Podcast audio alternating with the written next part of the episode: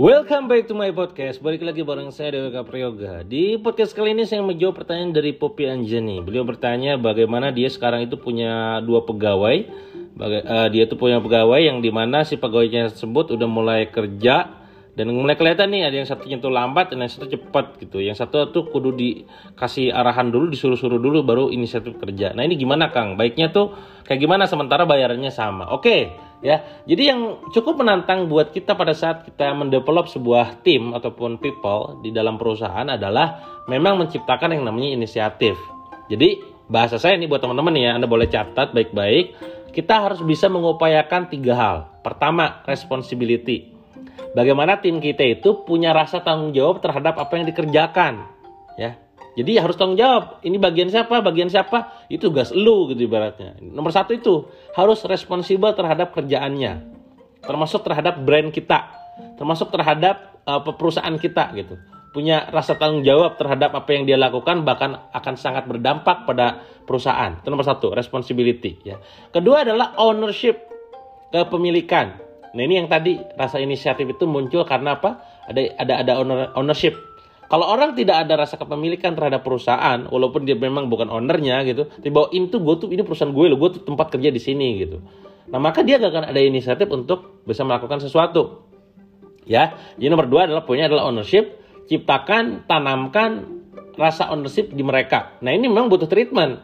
Bagaimana mentreatmentnya? Tentang dengan training, dengan sebuah uh, mentoring, pembimbingan dan segala macam. Itu nomor dua.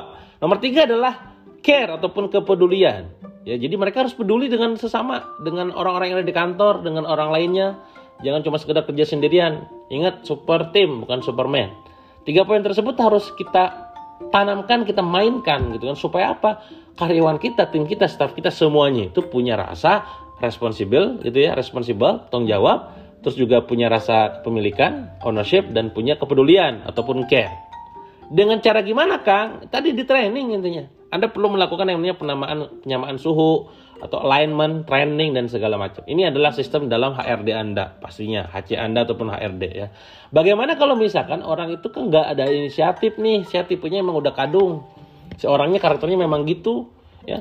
Disuruh-suruh baru disuruh baru kerja gitu. Kalau nggak disuruh dia nggak kerja. Nah maka apa yang perlu anda lakukan nomor satu, anda bikin job desk seclear mungkin, sedetail mungkin. Jadi jangan cuman sekedar ngasih tugas, tugas kamu balas chat ya, tugas kamu packing ya. Nah itu kan terlalu umum.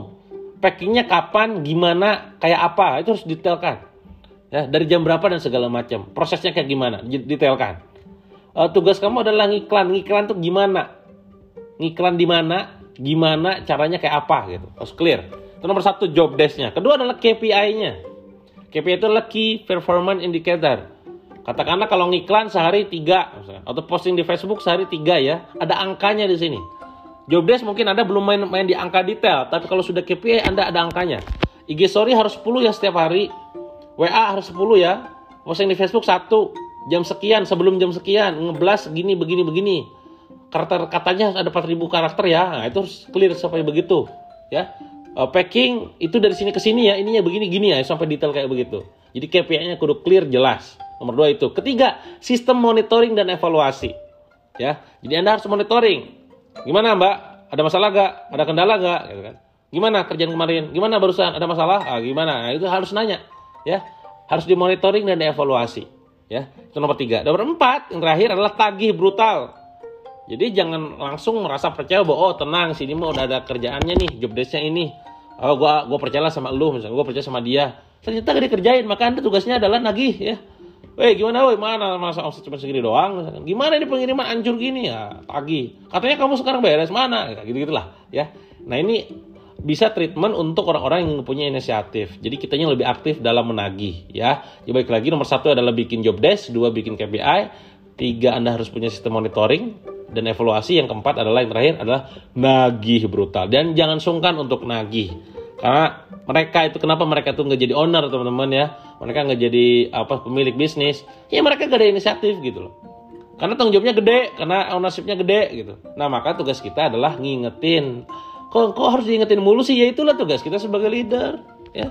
Karena kalau misalkan mereka inisiatif mereka gak akan jadi karyawan mereka jadi leader teman-teman. Mereka jadi owner benar nggak? Masuk akal masuk akal ya Itu aja mungkin ya teman-teman untuk podcast kali ini. Seperti biasa kalau Anda pengen langganan masuk ke mentorgendeng.com dan kalau Anda pengen nanya langsung ke tanya.mentorgendeng.com. Semoga menginspirasi Anda terus.